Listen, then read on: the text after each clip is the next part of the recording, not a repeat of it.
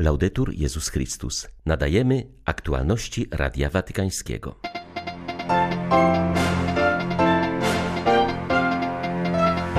Papież zachęcił, aby brać wzór z postawy ufności i wolności dzieci w zbliżaniu się do Boga. On zawsze czeka na nas z otwartymi ramionami. Biskup Jan Sobiło z Zaporoża wierzy w potęgę modlitwy, która podtrzymuje siły żołnierzy i przybliża dzień zwycięstwa Ukrainy. Wzywa, aby nie przyzwyczajać się do wojny. W Narodowe Święto Niepodległości na Jasnej Górze trwa szczególna modlitwa za Polskę. 11 listopada witają Państwa ksiądz Tomasz Matyka i ksiądz Krzysztof Ołdakowski. Zapraszamy na serwis informacyjny. Dali nam przykład, jak powinniśmy się zachowywać w odniesieniu do Boga, do Pana. Iść naprzód. On nas zawsze oczekuje. Ucieszyła mnie ufność tych dwóch dzieci. Stanowi ona przykład dla nas wszystkich. W taki sposób trzeba nam za każdym razem podchodzić do Pana. Z wolnością. Tymi słowami papież zareagował na jedenastoletniego Paola i jego siostrę, którzy podbiegli do Ojca Świętego na początku środowej audiencji generalnej. Chłopiec cierpi na zespół Westa, ciężką i nieuleczalną chorobę. Mama chłopca, Elza Morra, wyznała Radiu Watykańskiemu, że musieli przyjechać do Rzymu na wizytę u neurologa i stomatologa. Jedenastolatek jest drugim przypadkiem we Włoszech cierpiącym na zespół Westa. Kobieta opowiedziała też, jak zarówno ona, jak i jej synek przeżyli spotkanie z papieżem. Paulo jest nieprzewidywalny we wszystkim, co robi, we wszystkich swoich ruchach. Podszedł, gdyż bardzo lubi mieć kontakt z ludźmi. Ruszył i po chwili poszła za nim również siostrzyczka i tyle. Cieszył się. Ponieważ przed audiencją trochę krzyczał, był niespokojny, ale kiedy już usiadł przy papieżu, ogarnął go spokój. Co do jego późniejszych reakcji, Paulo nie mówi wiele, ma bardzo ograniczony zasób językowy, ale zwykle mówi pięknie, pogłaskał mnie, a swoją radość wyraża klaszcząc w ręce. Z papieżem mamy mocną więź. Wzruszyłam się i ucieszyłam. Zawsze idąc do Ojca Świętego odczuwamy emocje. Potem, kiedy Franciszek się do nas zbliżył, wziął moje ręce i powiedział: Życzę siły, dużo siły. Takich użył słów. To rzecz niesłychana, niemożliwa do zapomnienia. Są to dla nas chwile, których nie można wymazać z pamięci, zwłaszcza dla Paula, ponieważ nie wiemy, jak rozwinie się sytuacja. Jego choroba jest neurodegeneracyjna, więc nie mamy pojęcia, jak to będzie wyglądać w przyszłym roku. Czy damy radę wrócić? Mamy nadzieję. Pragnę niekoniecznie lepszego życia, ale żeby Pan dał nam chociaż siłę, byśmy mogli pomagać mojemu synkowi, gdyż on niestety w stu procentach w przyszłości skończy na wózku inwalidzkim. Za rok może być przykuty do wózka i nie da rady pójść samemu do papieża. Na spotkaniu z rektorami i formatorami seminariów diecezjalnych Ameryki Łacińskiej papież podzielił się kilkoma wskazaniami od serca dotyczącymi ich pracy. Kluczowym słowem w formacji według Ojca Świętego jest bliskość, będąca stylem samego Boga. Franciszek rozwinął ten temat w odniesieniu do życia księży, wymieniając cztery płaszczyzny dla formacji w seminariach: bliskość wobec Boga na modlitwie, bliskość wobec biskupa, bliskość między księżmi i bliskość wobec ludu Bożego. Bo bycie formatorem nie jest łatwe, nieprawdaż? Za moich czasów wszyscy byliśmy wrzuceni do jednego schematu. Dziś zajmujemy się tym, jutro tamtym, pojutrze tym i tak dalej. Ten, kto wytrwał do końca, został wyświęcony, a pozostali odpadali lub odchodzili. Dziś już tak nie jest, bo to inna epoka, inny człowiek, inny materiał. Są inni młodzi ludzie, inne troski. Więc cóż, jesteśmy tam po to, by szkolić tych młodych ludzi. Mam taką manię, że mówię o bliskości, bo uważam, że trzeba iść do źródła tego, czym jest nasz Bóg, a jego stylem jest bliskość bliskość. I to musi być zaraźliwe. Czyli ksiądz, kleryk, kapłan musi być blisko. Ale blisko kogo? Dziewczyn z parafii. Niektórzy są, a potem się żenią. Ale blisko kogo? Blisko jak? Na tę bliskość Boga są dwa przymiotniki. Bóg jest blisko z miłosierdziem i z czułością. I księża muszą być dobrymi ludźmi, miłosiernymi i z czułością. Nie możemy mieć księży, którzy nie umieją prowadzić dialogu, albo nie są zdolni do przytulenia dziecka, do pocałowania osoby starszej, albo po prostu nie potrafią tracić czasu na rozmowę z chorymi, ale zajmują się planami parafialnymi i to wszystko. Nie, to nie jest dobre. Bliskość, miłosierdzie i czułość. Papież otrzymał ornat na msze z okazji Światowego Dnia Ubogich, który przypada w najbliższą niedzielę. Wykonali go więźniowie z zakładu karnego w Neapolu. Przyjmując od nich ten dar, Franciszek przyznał, że zawsze lubił składać wizytę w więzieniach, bo jak stwierdził, jest to dobra okazja, by opatrywać rany ludzkich serc, a zarazem zobaczyć w uwięzionych oblicze Chrystusa. Ornat wykonano w zakładzie krawieckim, który działa przy neapolitańskim więzieniu. Podczas pandemii specjalizował się on w produkcji masek ochronnych. Niedawno rozpoczęto produkcję szat liturgicznych, mówi ksiądz Raffaele Grimaldi, krajowy duszpasterz zakładów karnych, który towarzyszył neapolitańskim więźniom podczas spotkania z Ojcem Świętym. Papież był zachwycony tym darem, pięknym wykonaniem ornatu. Został on uszyty w nowej sekcji więziennego zakładu krawickiego, która zajmuje się produkcją szat liturgicznych. Dla więźniów jest to trudny okres. Rośnie liczba samobójstw w zakładach karnych. W samych Włoszech odnotowano już w tym roku 74 przypadki.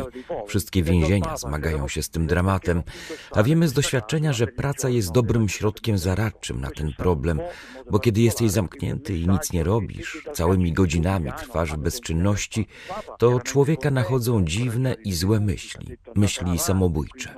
Ludzie, którzy trafiają do więzienia w jakiś sposób odcięli się od społeczeństwa, od realnego życia. Natomiast praca może być okazją, by jakoś poszywać na nowo swoje życie. Człowiek może się nad sobą zastanowić, zobaczyć, że mimo wszystkich problemów i krzyżów warto żyć. Praca pomaga więźniom docenić dar życia. Jest dla nich bardzo pożyteczna. Jałmużnik papieski uważa, że Światowy Dzień Ubogich ma służyć temu, byśmy odnaleźli się w środku Ewangelii. Kardynał Konrad Krajewski podkreśla, że taki był zamiar papieża Franciszka, kiedy ustanawiał ten dzień. Prefekt dykasterii do spraw posługi miłosierdzia, mówiąc o Dniu Ubogich, zauważa związek łączący tę okoliczność z dzisiejszym wspomnieniem świętego Marcina Stur. Ten młody żołnierz przy wjeździe do miasta zobaczył bezdomnego. Dał mu część swojej opończy, swojego ubioru. Był niewierzącym. W najbliższą noc ukazał mu się Jezus, ubrany w tą opończę, w ten płaszcz. Czyli to, co zrobił On, to zrobił dla Jezusa i Jezusowi. Dlaczego mówię, że jesteśmy w środku Ewangelii? Ponieważ to Jezus mówi, to, co uczyniliście jednemu z moich najmniejszych, mniejście uczynili. Ten młody żołnierz, nie wiedząc, przyodział Jezusa. I po to jest ten dzień żebyśmy wiedzieli, że wszystko, co czynimy względem drugiego człowieka, gdy idziemy go odwiedzić w szpitalu, gdy dajemy mu strawę, gdy pomagamy mu wprawić zęby, kupić okulary, wyjść z bezdomności, robimy to wobec samego Jezusa. Jeśli ktoś do tego dojdzie, to jest w środku Ewangelii. Robi dokładnie to samo, co robił Jezus w czasie swojego pobytu na ziemi. Od rana do wieczora pomagał drugiemu człowiekowi, a przez to także pomagał mu odnaleźć Boga. Wczoraj zapewne przejdzie do historii dzięki mężnym, zwycięskim krokom ukraińskiego wojska w kierunku naszego Hersonia, gdzie tylko tego dnia wyzwolono 12 miejscowości, zaznaczył w dzisiejszym orędziu arcybiskup Światosław Szewczuk. Ale ciężkie boje toczą się dalej, a rosyjski agresor nie ustaje w mściwych atakach oraz grabieżach dokonywanych na ludności cywilnej. Ostrzelano prawie 20 miast i wsi w całym kraju, nawet w położonych na zachodzie okolicach Winnicy.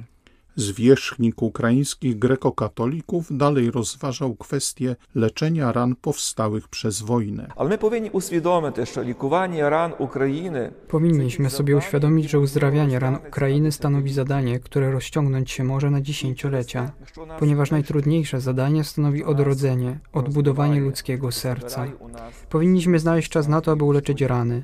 Pomoc psychologiczna obecnie naprawdę bardzo efektywna oraz korzystna, niestety będzie potrzebna dla większości z nas, którzy w ten czy inny sposób przeżyliśmy stres wojny, a zwłaszcza dla cierpiących na tak zwany zespół stresu półrazowego, jaki może sobie dawać znać jeszcze po latach. Powinniśmy tak ułożyć plan naszej działalności osobistej, społecznej, państwowej oraz działalności służby zdrowia, żeby w cierpliwości w codziennej żmudnej pracy mieć czas na leczenie ran. A najważniejsze, abyśmy w tym czasie wytrwali w naszej wierze w Boga, w owym zaufaniu do Pana, Stwórcy, Zbawiciela oraz Uzdrowiciela, byśmy mieli cierpliwość i dzięki niej doczekali się wyzdrowienia. Pownoty zcilenia. Biskup Jan Sobiło powiedział w rozmowie z Radiem Watykańskim, że przedostatniej nocy Rosjanie wystrzelili w stronę Zaporoża 70 pocisków, z których 35 trafiło w obiekty infrastruktury i inne ważne punkty. Wiele osób ucierpiało, ale nie jest jeszcze znana liczba ofiar śmiertelnych. Biskup pomocniczy diecezji charkowsko-zaporowskiej dziękuję za modlitwy i prosi, żeby nie przyzwyczajać się do wojny. Od siły modlitwy zależy, jak szybko ta tragedia się zakończy i Ukraina zwycięży. Coraz to trudniej będzie nam przezimować najbliższą zimę tutaj w Zaporożu i w tych miejscowościach na wschodzie Ukrainy, w naszym województwie. Z tego względu, że okupanci mają plan zniszczenia wszystkiego, co można zniszczyć, ażeby pozbawić nas prądu, gazu i wody na czas zimy. I wtedy te wielkie bloki mieszkalne, wielopiętrowe, bez wody, bez gazu, bez prądu, byłyby miejscem wielkiej katastrofy humanitarnej. Modlimy się, ażeby Bóg uchronił te nasze tereny, jak mówił święty Jan Paweł II o tych naszych terenach, Zaporoże i okolice, dzikie pola, żeby te dzikie pola Bóg, Ojciec schował pod płaszcz swojej opieki, abyśmy mogli przetrwać ten najtrudniejszy czas, zimę, jaka się zbliża. Dziękujemy wszystkim za modlitwę. Żołnierze, z którymi się spotykam, mówią, że odczuwają wsparcie modlitewne, że mają, tak mówiąc czysto takim językiem wojskowym, mają bardzo dużo szczęścia. Wiedzą, że to szczęście nie bierze się znikąd, że ktoś to wymodlił i że ludzie się modlą za nich i dlatego dopisuje im szczęście i mają duże sukcesy. W Narodowe Święto Niepodległości, także na Jasnej Górze, nazywanej ołtarzem ojczyzny, trwa szczególna modlitwa za Polskę.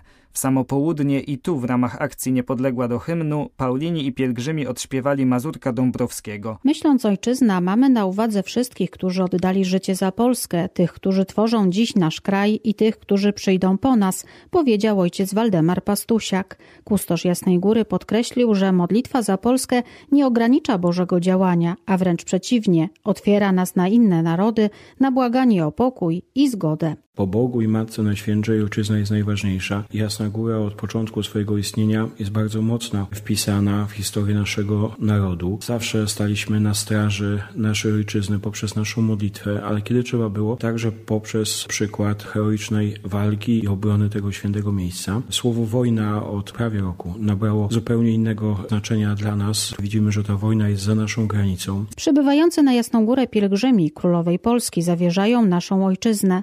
Proszą o pokój, bezpieczeństwo i ocalenie narodowej tożsamości. Musimy pamiętać o tych osobach, które oddały swoje życie, poświęciły też swoją wolność, żebyśmy my teraz mogli się cieszyć wolną Polską. My mamy taki przywilej, że nie musimy walczyć, ale teraz w drugą stronę, żebyśmy się nie wstydzili tego, tylko podtrzymywali te wszystkie wartości. Naszym zadaniem jako młodych jest służba każdego dnia, wyznawać ten patriotyzm w małych rzeczach. Dla Radia Watykańskiego Izabela Tyras, Biuro Prasowe Jasna Góra News.